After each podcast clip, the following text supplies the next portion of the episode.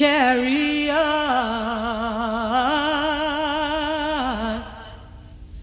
coming to carry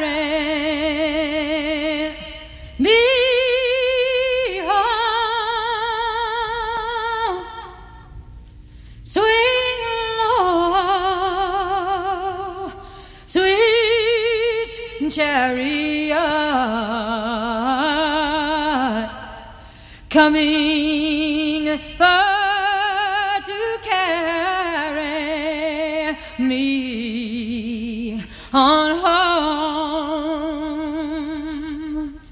Well, if you get there before I do, coming to carry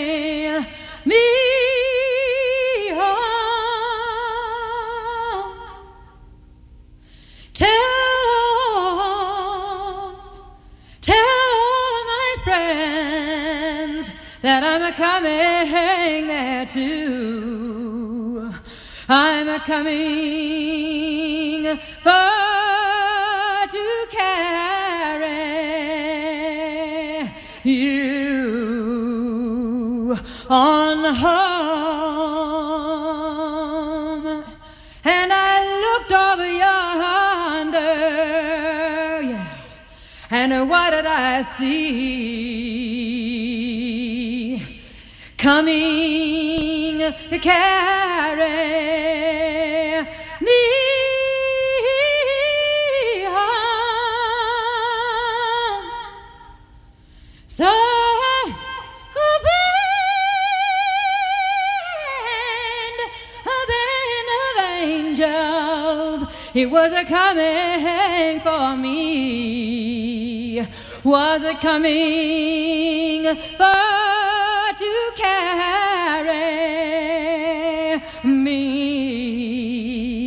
on a home? Swing low, sweet chariot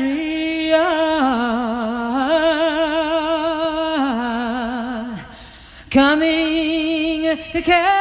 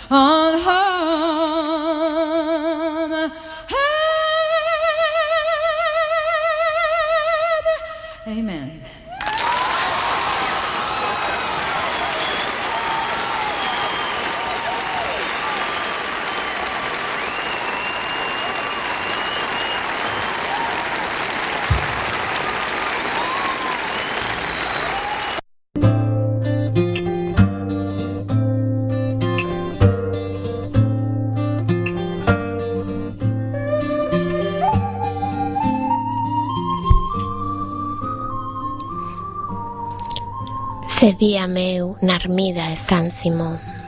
E cercaronme as ondas que grandes son.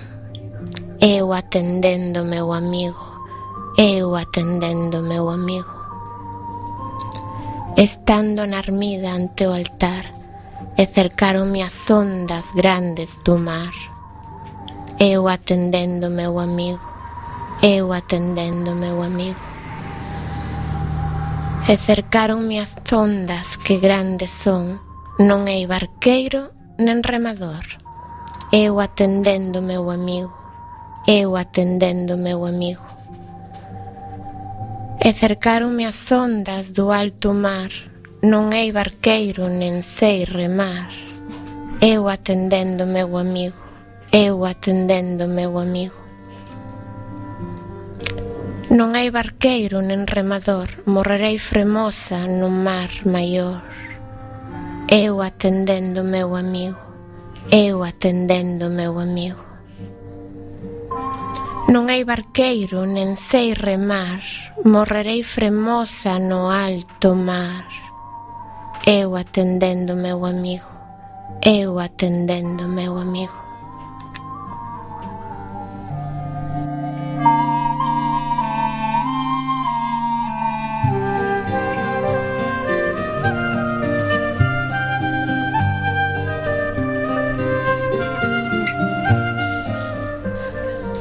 Acabades de escoitar a Ermida de San Simón, que é unha cantiga de amigo atribuída a Mendiño, que está considerada unha das máis excelsas mostas da lírica galego-portuguesa medieval.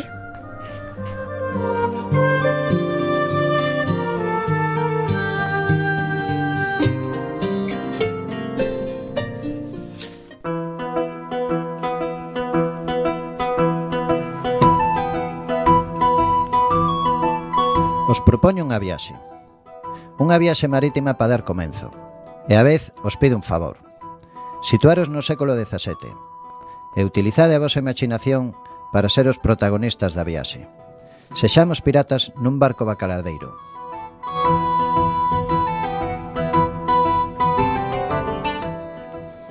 Atopámonos en Terranova, surcando os mares, sempre na busca de novos e enormes bacallaos. Cando atopamos un banco de bacallaos e emprendemos a loita ardua e tenaz coa competencia, que tamén se quería apoderar deles, facíamonos con noso preciado botín, o bacallao. Subíamolos a bordo, limpábanse e se preparaban para a súa conservación en barricas de madeira con aceite e sal. Antes de tomar rumbo a segreda illa pirata que se facía chamar o País Vasco. Rumbo alí era para a brigada nun illote fantasma, onde nos atopábamos cos meus dous barcos asociados, a temible Anna do capitán Barbanegra e o meu camarada o Polvo, que capitaneaba o holandés errante. Compartíamos experiencias, capturas e repartíamos riquezas coa compaña de ron, moito ron, antes de seguir rumbo a cada illa persoal segreda, Un día, rumbo ao País Vasco, o sol bañaba cos seus cálidos rayos o meu rostro e coa brisa con recendo a mar. Chegoume unha belísima voz. Incorporeime buscando de onde viña tan fermoso sonido. De súpeto vina. Atopábase de costas a min. A súa longa cabeleira caía polas súas costas espidas en sedosos rizos da cor do ceo. Nas súas mans levaba un pequeno peite de coral que deslizaba polo seu sedoso mechón e sorría. Allé o mundo que tiña ao seu redor. Cantaba e a súa voz era como o tintineo das campaniñas de cristal. E sen embargo, a súa canción era tan triste que bateu con forza o meu rudo corazón. Achegueime paseniño sen facer ruido por medo a espantala e que fuxera, Ela advertiu a miña presencia e volveuse. Os seus ollos eran da cor das augas máis profundas e a súa pel nacarada como a máis perfecta perla.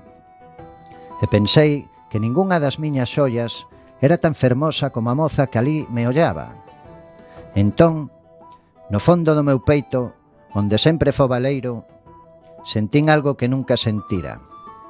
Era como un aleteo, Unha presión e unha calor tan forte que me deixou o resto do corpo tan frío como o xeo que flotaba nos mares onde pescaba o bacalao. E aí souben que era amor. Pero marchou, desapareceu e me guiou coa súa fermosa voz ata a nosa illa, o País Vasco.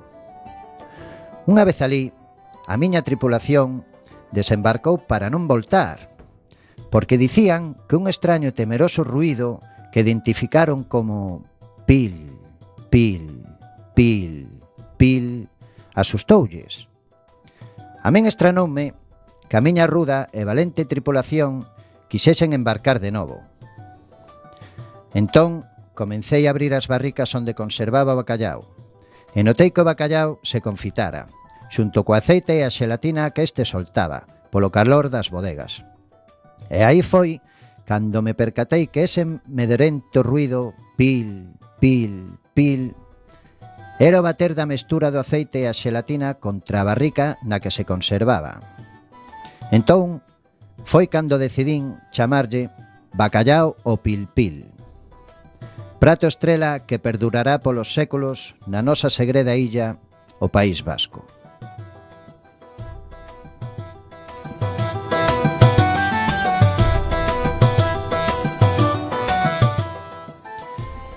Pero a miña vida seguía baleira, sen sentido, entre botella e botella de ron, e algunha que outra rapariga bucaneira. Decidín emprender unha viaxe eu só, pero desta vez a pé. Comecei a camiñar sen rumbo, sen destino, co único obxectivo de atoparme a min mesmo.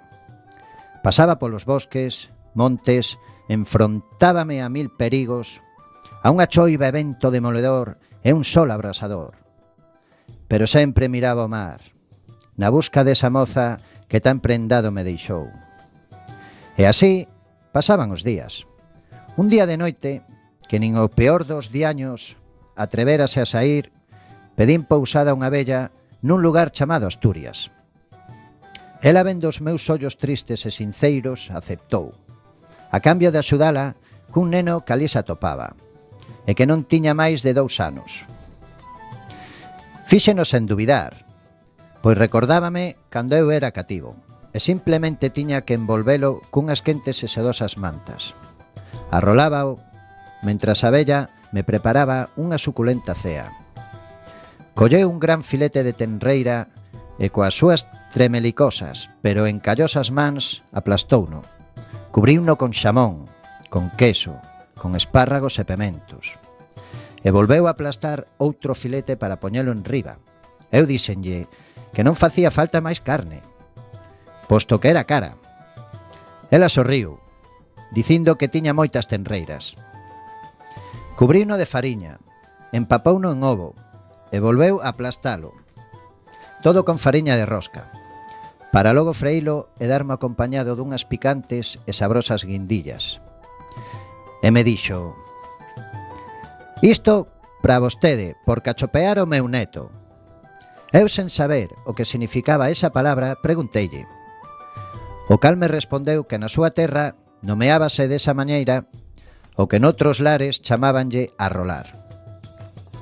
Dispúxenme a rematar tan suculenta cea e decidín ponerlle o nome de cachopo, que tempo despois se segue desgustando como un dos mellores pratos desta terra máxica chamada Asturias.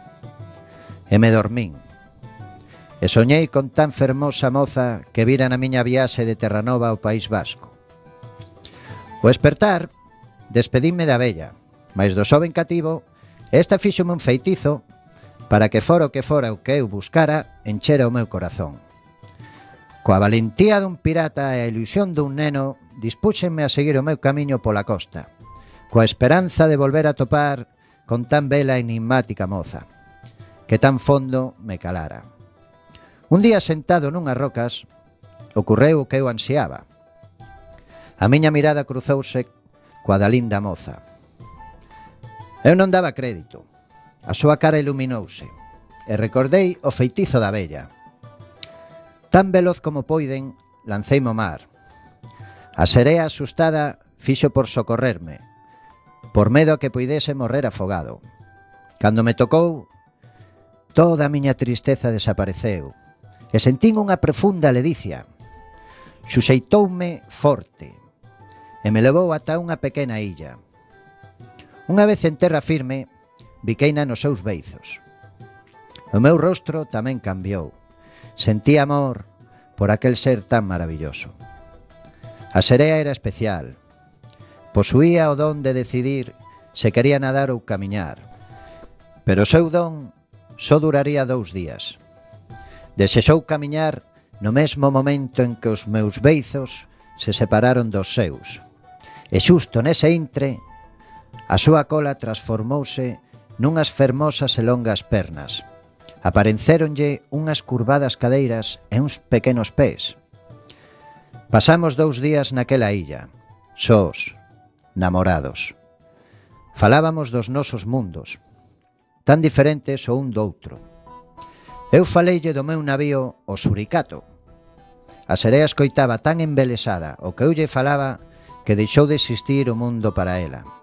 O seu mundo era eu. Ela contábame como era vivir baixo mar, como era nadar cos peixes, falar cos delfíns. Faloume das súas ansias de coñecer mundo. Cando despuntaron os primeiros rayos de sol do segundo día, embargoume o medo. Un medo que se instalou no meu peito e non me deixaba respirar. Esa intuición pirata de que algo malo ia pasar. A Sirea explicábame que podería manter as súas pernas para sempre se eu lle xuraba amor eterno e o selaba cun bico. Entón sucedeu o que o meu temor e intuición pirata dicíame. Un dos meus barcos asociados, holandés errante, capitaneado polo meu gran amigo Polvo, tendeunos unha emboscada, facéndonos prisioneiros a Serea e a min, co único fin de conseguir unhas vaguas de Serea para facer unha apócema que o polvo quería tomar, e así converterse en humano. Asesorado por un temible feiticeiro chegado do outro mundo, Leváronnos ao seu barco, que permanecía fondeado a pouca distancia dali. Metéronnos en gaiolas e observei como a serea lle desaparecían as súas pernas e lle aparecía unha cola de peixe. Nesa intre lembrei os dous días que pasei con ela na illa e que o meu amor eterno sillo surei, pero non puiden selalo cun bico, para que as súas fermosas pernas e masestuosas cadeiras permaneceran con ela. O polvo, incapaz de conseguir vaguas saladas dela, empezou a torturarme a min. A verse desa maneira, conseguíao.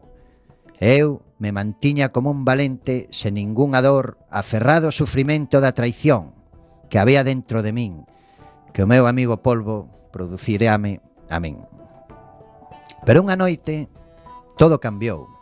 A tripulación dormía, bébeda polo ron e dous exmariñeiros do meu navío o Suricato axudáronnos a sair das gaiolas, perdendo así a súa vida.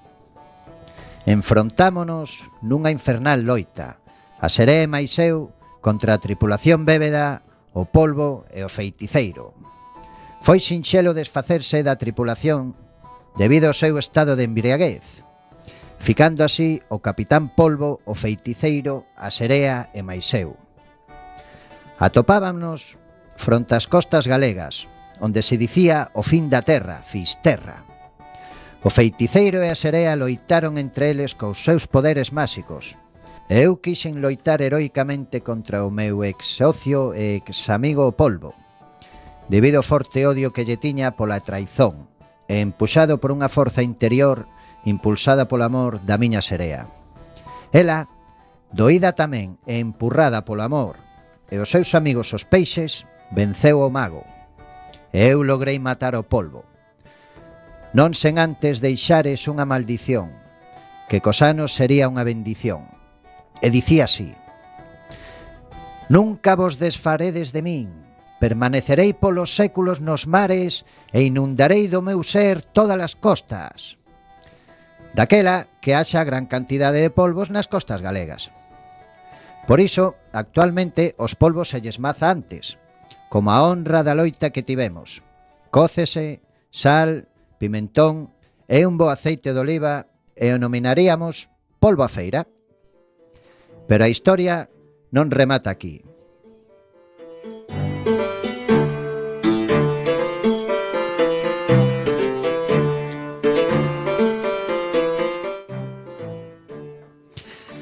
Nese momento, Ficábamos a serea e Maiseu sós, guiados por unha luz celestial que nos indicaba o camiño.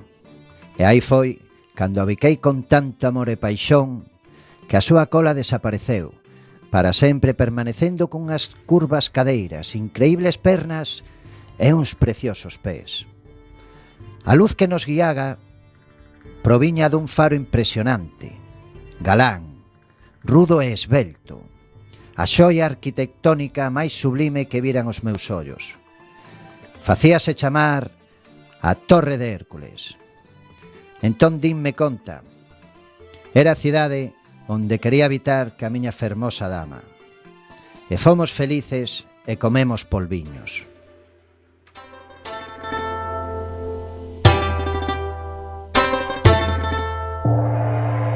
Polo amor dunha serea, imaginado por Luis Velasco.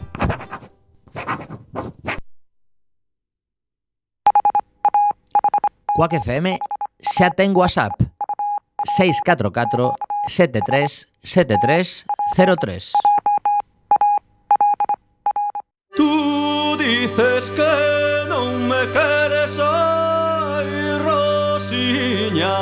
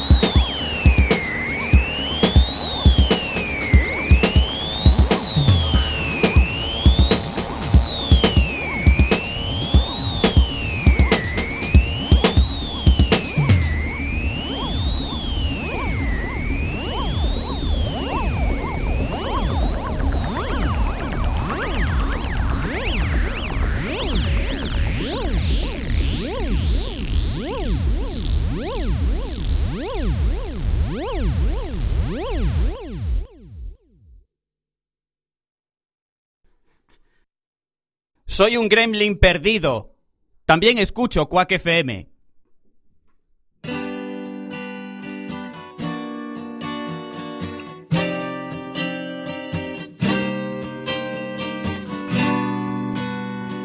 Hoy ha sido de los mejores días que he vivido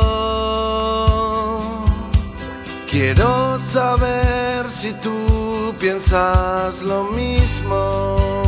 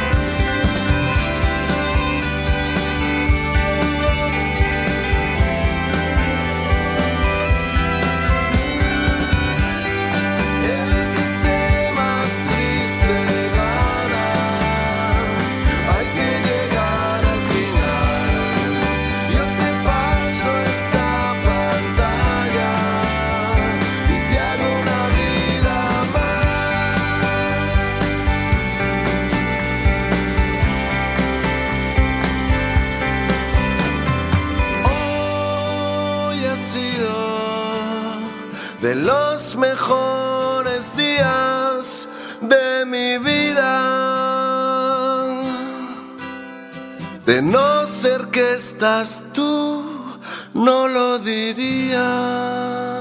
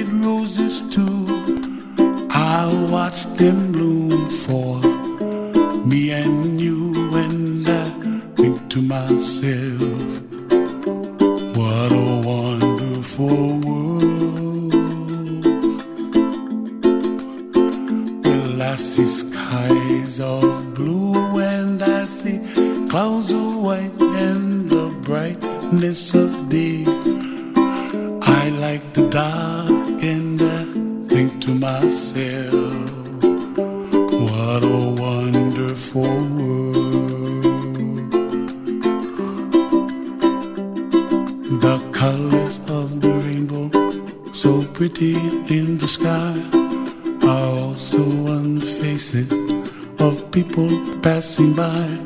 I see friends shaking hands, singing, How do you do?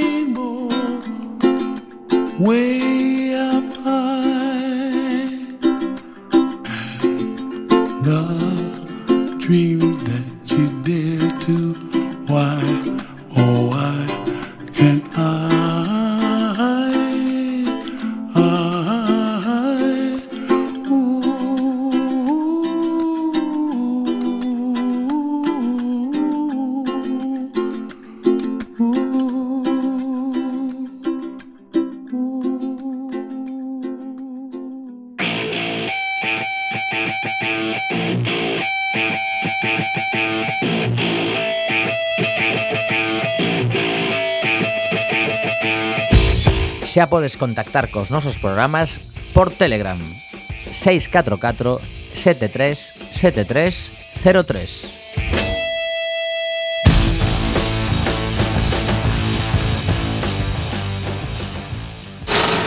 En Quack FM, cachos de pelis.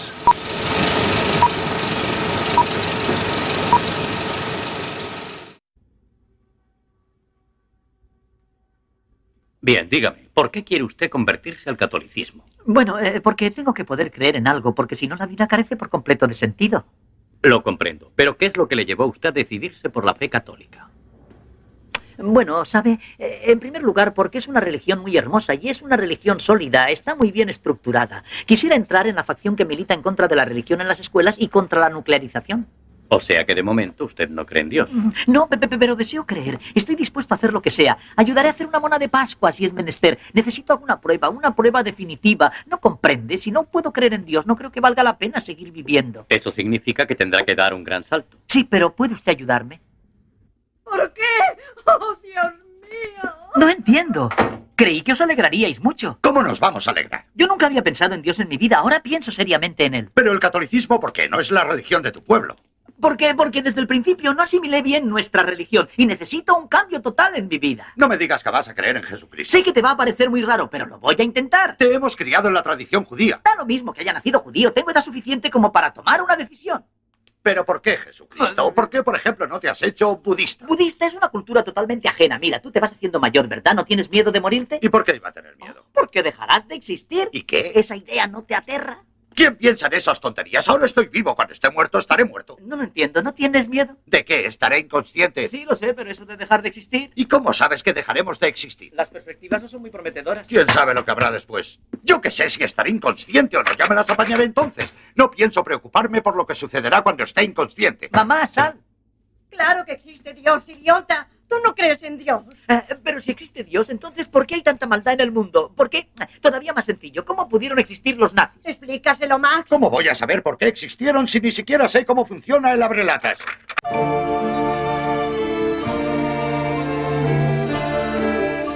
Se dice que cuando Landra nació, se paró el tiempo y las nubes dejaron de llorar.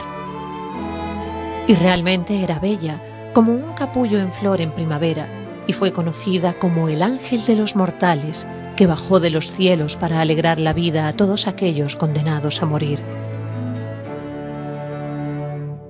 Se cuenta que cuando Landra nació, a Joel se le paró el corazón, pero volvió a latirle cuando la vio, cual estrella en noches oscuras, con su camisón blanco y raído, desgastado y a la vez virgen. Y ella también lo vio y sintió algo que nunca había sentido, que le nacía del corazón y le comía por dentro, algo que en la tierra llamaban amor, amor de Landra por Joel y amor de Joel por Landra. Se dice que cuando Landra se tenía que casar se negó, pues su padre la había prometido con un apuesto príncipe de palacio, tan hermoso él como las noches estrelladas, tan apuesto él como los héroes de los cuentos. Pero su corazón al príncipe no le pertenecía, sino que tenía dueño, y su nombre grabado con letras de oro y amor que nunca nadie podría borrar, ni otro hombre, ni otra vida, ni otro príncipe de castillos y palacios. Se comenta que cuando Landra se negó, el apuesto la secuestró en su torreón, se la llevó de la mano agarrada y dormida la encerró allí de donde jamás podría escapar. Pero el príncipe se equivocó. Porque se dice también que cuando Joel se enteró, galopó a lomos de su caballo y él solo se enfrentó a las adversidades que se le presentaban en el corazón. Y luchó, y derramó sangre y lágrimas y creyó morir, pero erró y cortó cabezas cual loco por su amor, que se asomaba en su alcoba y lloraba pensando cuándo llegaría aquel al que amaba para salvarla y contaba las horas que nunca pasaban. Pero el día llegó y Joel se encontró solo en el torreón, rodeado de llantos y desolación, gritando por su amada que a solas se había quedado tumbada en la cama, como muerta o matada por el príncipe, y Joel, lleno de furia y de dolor, maldecía aquel día en que la había dejado escapar, deseando que ella fuera la secuestrada y él el secuestrador. Se oye decir que la rabia hizo presa de él y se levantó, y empuñando su espada hacia el príncipe se la clavó, pero se dio cuenta de que su muerte nunca se la devolvería, aunque pasaran muchos años, muchos meses y pocos días. Pero Landra se levantó, pues estaba dormida allí, donde soñó que se despertaría al lado de Joel y lo querría, que jamás se separarían. Pero no fue así, pues vivieron separados, solos y desamparados, ya que su padre lo había desterrado de por vida. Y llegó la hora de morir, y se encontraron allá en el cielo donde nadie los hallaría, allá donde su amor nunca perecería, y vivieron en los cielos hasta el fin de los días.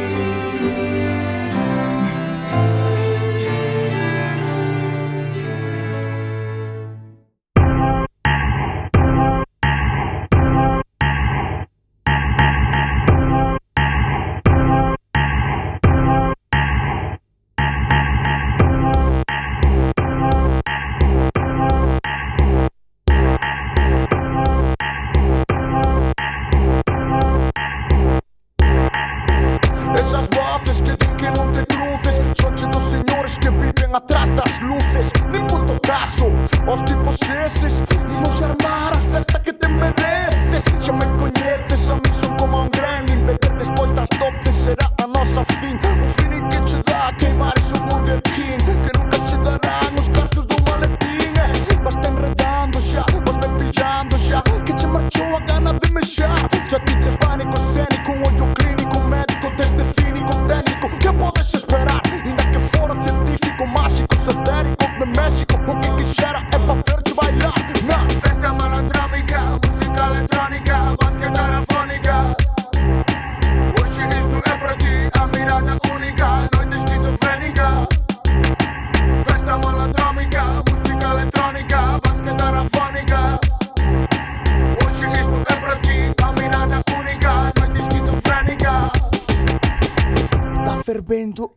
de San Pedro. Está fervendo a rúa de San Pedro. O primeiro empeza pola cabeza. Deixa que che seduza, rimo tes boa traza Logo un brazo metemos atitude Sen agresividade pero o corpo que sude. Pecha os ollos e sínteme cantando